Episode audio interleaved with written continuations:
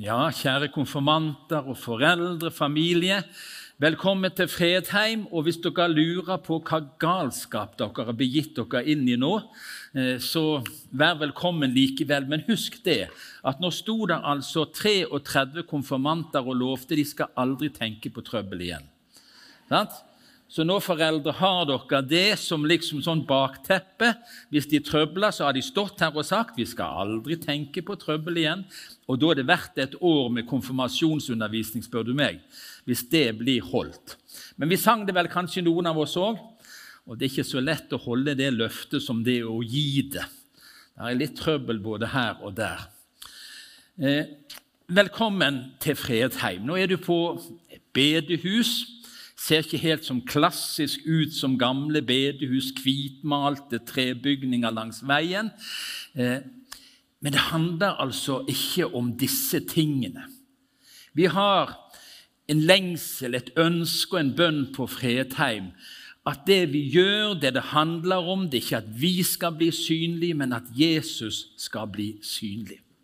Det er det det handler om. Denne høsten så prøver vi å lese litt i Bibelen og se hvordan møter Jesus mennesker. Og Det er ganske fantastisk å se hvordan han møtte mennesker av alle kategorier, alle typer. Hvordan han på en fantastisk måte kunne bekrefte dem, inkludere dem og vise sin kjærlighet. Og Så forteller han mange lignelser. Det handler om livet i denne verden, det handler om forholdet til Gud. Det gjelder alle mennesker. Så forteller han noen sånne litt smarte historier. Og I dag skal vi lese en av disse lignelsene som setter på plass helt grunnleggende ting om hva det er å være en kristen, hva det er å tro. Så overskriften for det jeg skal snakke om i dag, det handler om troen alene egentlig om Jesus alene, men troen på han alene. Og nå leser vi fra Lukas evangeliet, og der står det på denne måten Til noen som stolte på at de selv var rettferdige, og så ned på alle andre, fortalte Jesus denne lignelsen. To menn gikk opp i tempelet for å be. Den ene var fariseer, og den andre toller. Fariseeren stilte seg opp for seg selv og ba slik, hør nå, Gud, jeg takker deg for at jeg ikke er som andre mennesker. De som svindler, gjør urett, bryter ekteskapet, eller som den tolleren der. Ja, Nå pekte jeg, det var jo litt uheldig, da. Eh, jeg faster to ganger i uken og gir tienden av alt jeg tjener. Men så får du fram neste bilde. Her stoppa det opp. Nei, ikke det. Tolleren sto langt unna og ville ikke engang løfte blikket mot himmelen, men slo seg for brystet og sa, Gud, vær meg synder nådig. Jeg sier dere, tolleren gikk hjem rettferdig for Gud, den andre ikke. For hver den som setter seg selv høyt, skal settes lavt, og den som setter seg selv lavt, skal settes høyt. To grupper mennesker nesten så langt fra hverandre som du kan tenke deg på, på Jesu tid. Tollere, fariseere og, fariseer og tollere. Fariseerne de var sånne mennesker som forplikta seg til å følge Guds lov til punkt og prikke. Hver eneste tøddel og bokstav og alle budene som sto i denne boken, skulle de følge helt perfekt. Og ikke bare det, de hadde lagd 700-800 tilleggsbud bare for å gjøre det enda vanskeligere eh, å følge det. Og dette skulle de leve opp til. De ville ikke i utgangspunktet være hyklere, de tok dette på djupt alvor. Men det som var typisk for dem, de trodde at de klarte seg sjøl. For de levde jo så fint. De levde jo så fromt. De var jo bedre enn alle andre mennesker. Så Dermed så ba de egentlig ikke til Gud, de ba egentlig til seg sjøl. Gud, takk for at jeg er sånn som jeg er, ikke sånn som de andre. Og de så på seg sjøl som liksom kremen av kremen, de aller beste. Tollerne de hadde ansvar for innkreving av skatt og avgifter, og da vet vi at de ikke er de mest populære. De var bannlyst av de religiøse lederne, og de var ikke godkjent som dommere eller vitner. En fariseer står fram og ber. En toller står fram og ber. Den ene så på seg sjøl som ustraffelig og bedre enn andre. Han andre tenkte Gud, vil du ha med meg å gjøre? Da har det ikke på grunn av min fortjeneste å gjøre. Da har det med noe helt annet. Og Det sto i den teksten vi leste, til noen som stolte på at de selv var rettferdige. Hva i alle dager betyr det? Det betyr at det er noen mennesker, det var noen mennesker, det er noen mennesker som tenker det Jeg er jo ikke så verst. Jeg er jo bedre enn mange andre. Bare tenk på han naboen min der, og han kollegaen min der, og de i klassen der. Jeg, jeg er jo over snittet oppfører meg fint og pyntelig. Så egentlig, Gud, så vil jeg bare at du skal bekrefte at jeg er god nok. At jeg er bra nok i meg sjøl. Egentlig så trenger jeg ikke Gud, for jeg klarer meg egentlig ganske godt sjøl. Og så møter Jesus tollere. Flere ganger i Bibelen så møtte han den mest forhatte gruppen av alle. De som ikke var regna med, de som ikke fikk lov til mange av de andre tingene, de som på en måte ble sett på som landssvikere. Og I Markus kapittel 2 så står det da han gikk videre, altså Jesus gikk videre, fikk han se Levi, sønn av Alfeus, sitte på tollboden, altså en toller. Jesus sa til ham, 'Følg meg', og han reiste seg og fulgte ham. Fariseerne de klarte seg sjøl. Og så kommer Jesus til en toller som alle andre gikk forbi og ikke vil ha med å gjøre. Og så sier han til tolleren, 'Du, følg meg.' Og Sannsynligvis så var denne Levi den samme som Matteus. Vi har et eget evangelie som er skrevet av Matteus. Tenk, Jesus gikk til en tollbod. Så tok han det mest forhatte mennesket så sa han, 'Du kan få følge meg' ganske spesielt å lese. Nytestamentet taler så utførlig om fariseere, kan ikke bare bero på den rolle de spilte under Jesu jordeliv. Det beror ganske sikkert også på det at fariseismen alltid er en fare selv for Jesu disipler. Det er jo ingen av oss som tror vi er bedre enn andre. er det det? Ingen har tenkt den tanken at vi som hører til på et bedehus, liksom indremisjon og sånn, vi, vi, har orden på det, vi har kontroll. Det er litt verre med de der andre. Sant? De utenfor der. Det er så lett å tenke at vi er bedre. Vi får det til. Vi fortjener. Så denne fariseismen som var på Jesu tid, den lever i beste velgående òg i vår tid. Og nå skal jeg komme med en ærlig innrømmelse. Jeg syns av og til at jeg er ganske god. Jeg leser litt, og jeg ber litt, og bruker masse tid på misjon og viktige ting.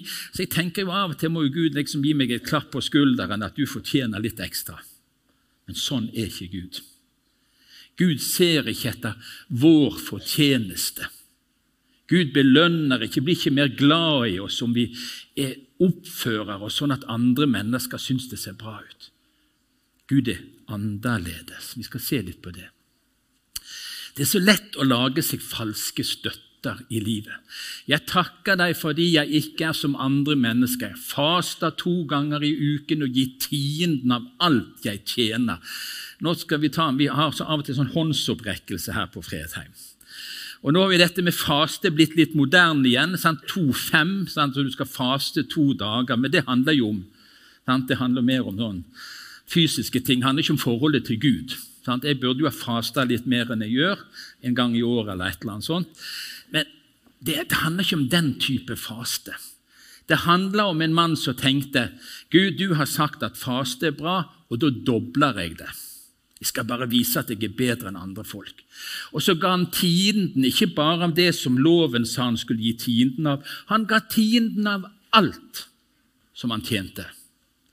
Og Hvis du nå tar og samler familieinntekten din se, må se litt her, 1,4 millioner, 850 000 to, altså, Det blir svære tall hvis du skulle gitt tienden av alt det du tjente. Hæ? Poenget med denne fyren han levde på en måte perfekt, men han, lagde seg noen falske støtter. Han trodde at Gud ville bli enda mer fornøyd med han og glad i han hvis han var så perfekt og gjorde så mye bra. Da måtte vel Gud elske meg litt ekstra. En falsk støtte. Har vi falske støtter, vi, da? Norge er et kristent land. Jeg er jo født i Norge, det er et kristent land, så, så dermed er jo jeg òg sikra. Nå skal jeg fortelle dere en helt sann historie. Og Da er det jo ikke en historie, da er det en sånn skikkelig For noen år siden så møtte jeg et nydelig par. Eh, de var i en annen kirke da. De var ikke her på Fredheim, så ingen trenger å begynne å se seg om de ser hvem det er. Og Så begynte de å gå i en menighet, og så sa de det i en samtale. Vi tror at kristendom er som følger. Man skal ikke plage andre, man skal være grei og snill, og for øvrig kan man gjøre hva man vil. Kardemommeloven. Og så sa disse to flotte menneskene, og dette tror alle våre venner òg, sa de. Da har du lagd deg en falsk støtte. Hvis du tror at hvis du bare ikke plager andre og er grei og snill, så må jo Gud tenke at 'Å, for et menneske! Han vil jeg ha inn i himmelen.' liksom. Han fortjener det fordi han gjør så mye godt. Og Jeg skal ikke fortelle hele historien om den, det paret som vi møtte den gangen, men i løpet av en tid så forsto de at det var en falsk støtte. Du skjønner, Det, det nytter ikke å gjøre så godt du kan. Det nytter ikke å være litt over snittet oppføre seg litt bedre, gi litt mer, eh, være litt mer from enn gjennomsnittet. Hør hva det står i Jakobs brev. For den som holder hele loven, men snubler i ett av budene, har gjort seg skyldig å bryte dem alle. Og Nå tar vi en liten skann. Har du tenkt noe stygt om et annet menneske? Har du kommet med en halvhvit løgn en gang? Fjuska på en prøve, snøte litt på skatten Nei, altså, kom igjen, bare rekk opp hånden der, der, blir truffet. Sagt noe til ja, Han der bak, velsigne være deg som ærlig. Sant? Sagt noe til noen som du aldri burde ha sagt. Bare en sånn liten ting. Da har du altså bomma på alt. Så enten er du perfekt, 100% i deg sjøl, eller så funker det ikke i det hele tatt. Og det er bare én som har klart å være perfekt. Og det er han vi ønsker at du skal bli kjent med, og det er Jesus. Der står det i Hebreabrevet at han ble prøvd i alt i likhet med oss, men uten synd. Det handler nemlig om det til slutt, om å tro på Jesus og ingen falske støtter, ingen andre ting å stole på. En gang så var Peter og Silas satt i, nei, Paulus og Silas satt i fengsel, inne i et fangehull, ikke sånn som fengsel i dag. Det var i det innerste, mest bevokta fangehullet. Der ble de satt. Og Der holdt de bønn og sang lovsanger på en sånn måte at det skjedde et under, og lenkene datt av, og, og de kunne vandre ut i frihet. Og Fangevokteren ville ta livet av seg, for nå tenkte han alt håp var ute. Men så sa han, 'Hva i alle dager skal jeg gjøre?' sa denne fangevokteren. Så sa han, 'Hva skal jeg gjøre for å bli frelst?' Det er ute med meg. Og så sier eh, Peter til han, tro på, Paulus til han, 'Tro på Herren Jesus, så skal du og alle i ditt hus bli frelst.' Tro. Ikke ta deg sammen. Ikke vær bedre enn andre. Ikke å si, tro tro på Jesus, så skal du og alle i ditt hus bli frelst. Og Så står det noe fantastisk i versene bakenfor her, at han tok de hjem til seg, og så forkynte de evangeliet for alle i huset, og så ble hele gjengen, hele familien, ble døpt. Fordi de tok imot Jesus og ville tro på han. Og Et av de tydeligste versene om dette i hele Bibelen finner vi i Efeserbrevet kapittel 2. For av nåde det er gratis. Betyr gratis. Ufortjent. Er dere frelst ved tro? Det er ikke deres eget verk, men Guds gave. Det hviler ikke på gjerninger for at ingen skal skryte av seg selv. Takk Gud for at jeg ikke er som alle andre. Eller som han tolleren der nede. Jeg faster, jeg ber, jeg er from, jeg klarer meg så godt. Nei, det er, hviler ikke på gjerninger, for at ingen skal skryte av seg sjøl. Her på Fredheim liker vi å skryte, og vi skryter av Jesus. Vi skryter av den eneste som noen gang har levd et perfekt liv. Den eneste som aldri ble tatt i noen synd eller opprør eller gjorde noe galt. Alt han gjorde, står det i Bibelen, var, gjorde, gjorde han vel. Han var helt enestående. Vi skryter av Jesus. Og det forunderlige er at fordi han levde sånn, så skal vi få lov å få del i det han gjorde. Selv om vi ikke får det til. Det er ganske spesielt. Og Nå handler det ikke om hendene står i været, eller du av en personlighetstype som liksom er mer innadvendt og forsiktig. Det handler ikke om, om fariseeren sin frimodighet eller tolleren sin sånn litt mismot. Hva er det som kjennetegner kristen tro? Hva er sentrum i den kristne tro? Det handler først om å erkjenne at vi klarer oss ikke sjøl ikke gode nok. Et, har du bomma på ett av budene, så er du skyldig i alle. Da har vi et problem. Det å bli en kristen, det å være en kristen, det å erkjenne det, at det der får jeg ikke til sjøl. Og det andre er tillit. Rett og slett tillit til at det Jesus gjorde, det er nok. Det er godt nok. For Jesus gir til meg det han gjorde, det han fortjente, får jeg helt ufortjent. Og det har en djup tillit til han. Og så handler det om å følge. Så enkelt er det. Kanskje er det vanskeligst å erkjenne da av og til. For vi er jo ikke så verst. Du er jo ikke så verst. Når jeg ser på dere, så ser dere ganske veloppdragne ut, alle mann. Men det, det holder ikke. Det første handler om en erkjennelse. Og det andre handler om en tillit, rett og slett til Jesus. Og så handler det om å slå seg i følge med Han. Og det syns jeg er spennende. Det er så utfordrende og krevende av og til. Men det å følge Jesus Det er ingenting som er bedre enn å følge Han. Og så begynner det på denne enkle måten. Hvordan kan jeg komme inn i det livet? Hva skal til for at jeg skal få lov å tro at jeg er en kristen og regner meg som et Guds barn? Johannes, apostelen som fulgte Jesus, sa det på denne måten. Alle som tok imot ham. De ga han rett til å bli Guds barn. De som tror på hans navn. Alle som tok imot. Eh, jeg liker å få gaver. Jeg liker litt bedre å gi gaver, for mitt kjærlighetsspråk det er ikke å ta imot, men det er kanskje jeg liker å gi gaver. Men jeg er så glad for at jeg en dag tok imot, helt ufortjent. Ingen prestasjoner, ingen forbedringsforsøk, men rett og slett at jeg en dag fikk lov å ta imot Jesus og si til han, 'Jesus, jeg trenger deg. Jeg får ikke det til.' Jeg klarer ikke å leve perfekt i denne verden. Jeg klarer ikke å leve opp etter alle bud og regler. Jeg får det rett og slett ikke til. Men Jesus, det jeg får til, det er å ta imot. Strekk ut tomme hender og si, 'Jesus, jeg tar imot deg.' Og det ga meg en rettighet som jeg ikke hadde før. Det ga meg retten til å bli Guds barn. Og så syns jeg at gode gjerninger kan være viktige, for all del. Det skader ikke å faste litt. Det er ikke farlig å be. Ikke dumt å gi litt til misjonen, og kanskje enda mer. Men det gjør ikke at Gud blir mer glad i deg.